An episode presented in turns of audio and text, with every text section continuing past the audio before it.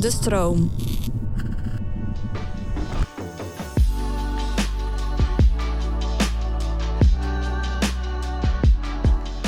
Hallo allerliefste luisteraars en BookTok-fanaten. En leuk dat jullie luisteren naar een nieuwe aflevering van Novel Leest Wel. Als je een beetje op BookTok zit of niet onder een steen hebt geleefd, kan je het boek niet gemist hebben. Heartstopper.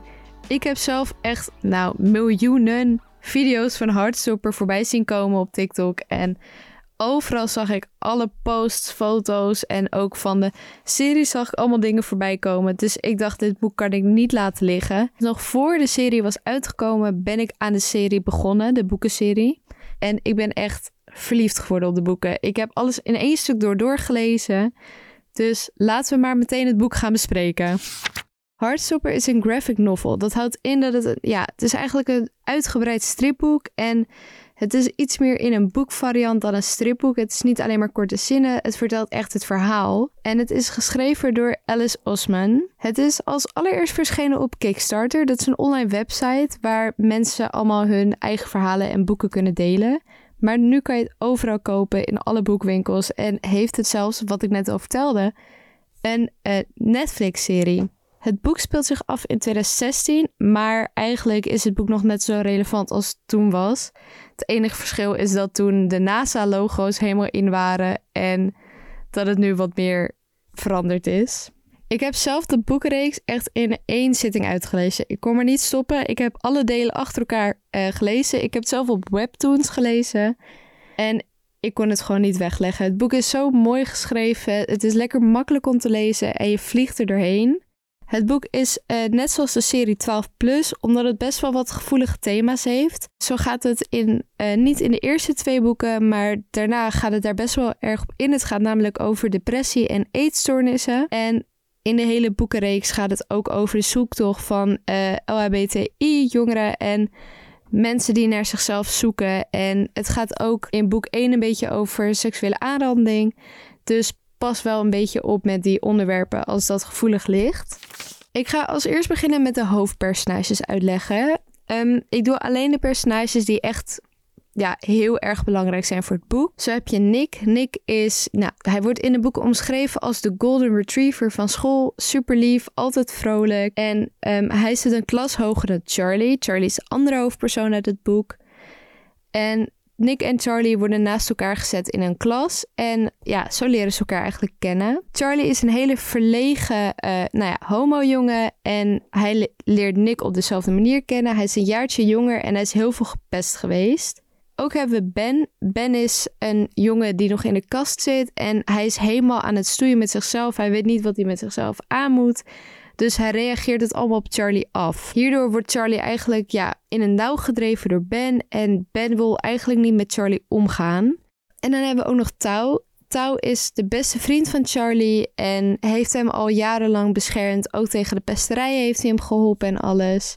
Dus Tau is er eigenlijk altijd voor Charlie geweest. Het verhaal begint net na de kerstvakantie. Charlie heeft een soort geheim vriendje Ben die hem in een bibliotheek ontmoet in de pauze maar wie hem negeert als er iemand anders in de buurt is. Wanneer Ben overgaat van gewoon simpelweg negeren naar een geheim vriendinnetje die hij verbergt voor Charlie en hem steeds kleineert als ze samen zijn, komt Nick te hulp en groeit een vriendschap langzaam naar iets anders. Charlie en Nick leren elkaar steeds beter kennen en groeien steeds dichter naar elkaar toe. Van Mario Kart wedstrijdjes tot samen lachen. Ze worden steeds closer en echt beste vrienden. Tao, de beste vriend van Charlie, wordt al heel snel jaloers omdat hij het gevoel heeft dat Nick Charlie wil afpakken. En ook wil Tao Charlie beschermen omdat Charlie veel gepest is geweest en bang is dat Nick ook Charlie's hart gaat breken omdat Charlie steeds gevoelens voor Nick ontwikkelt. Maar ondertussen is Nick zelf ook bezig met het zichzelf leren ontdekken en kennen en hij zit eigenlijk ook in een strijd met zichzelf en met zijn eigen seksualiteit. In het boek volg je hoe dit verder gaat en eindigt en vooral in de volgende boeken gaat het verder op de band van Nick en Charlie samen. Het boek neemt je echt mee in uh, hoe Nick zichzelf ontdekt en hoe ze samen eigenlijk ja, de homofobie die nog steeds hangt onder de jeugd en ook ouderen, hoe ze er tegengaan, hoe ze daarmee omgaat en waar ze allemaal last van hebben. Zoals ik al eerder zei, is er dit jaar ook een Netflix-serie over het boek gemaakt. Alice zelf heeft heel erg geholpen met het schrijven en produceren van de serie, zodat er ook veel van het boek in terugkomt. De serie is een razend succes geworden en in 2023 komt er zelfs een seizoen 2 aan. Er zijn wel een paar verschillen tussen de boeken en de serie. Zo zijn er een paar karakters toegevoegd en een paar karakters weggehaald. Zodat het wat leuker is om te kijken, omdat een boek en een serie natuurlijk ja, heel anders is. Wat super leuk is, is dat er wel veel cartoon-elementen in de serie zelf zitten. Zo zie je tijdens de scène dat uh, Nick naar Charlie kijkt, bijvoorbeeld allemaal hartjes en vonkjes op het scherm getekend. Maar je moet wel eerst de boeken gaan lezen voordat je aan de serie begint, want dat is het allerleukste. En dan herken je ook dingen zoals Charlie's slaapkamer, die precies gekopieerd is uit de cartoons. Dat was het eigenlijk alweer voor vandaag. Onwijs bedankt voor het luisteren. Ik hoop dat jullie hebben genoten van de afleveringen. En ik hoop dat dit ook echt een aanrader is. En dat jullie allemaal de boeken gaan lezen. Want dat is het ook echt waard. Nou, bedankt voor het luisteren, jongens. En vergeet ook zeker niet om een kijkje te nemen op mijn TikTok-account. Noël leest wel op TikTok. Want ik maak echt genoeg TikToks over alle boeken.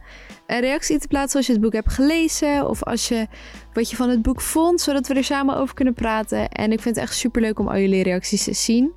En vergeet ook zeker niet om te reageren welke boek jullie voor de volgende aflevering jullie willen gaan lezen. Want daar kijk ik allemaal echt naar en ik probeer er zoveel mogelijk rekening mee te houden. Maar voor nu, dit is het einde. Heel veel leesplezier gewenst en tot de volgende keer.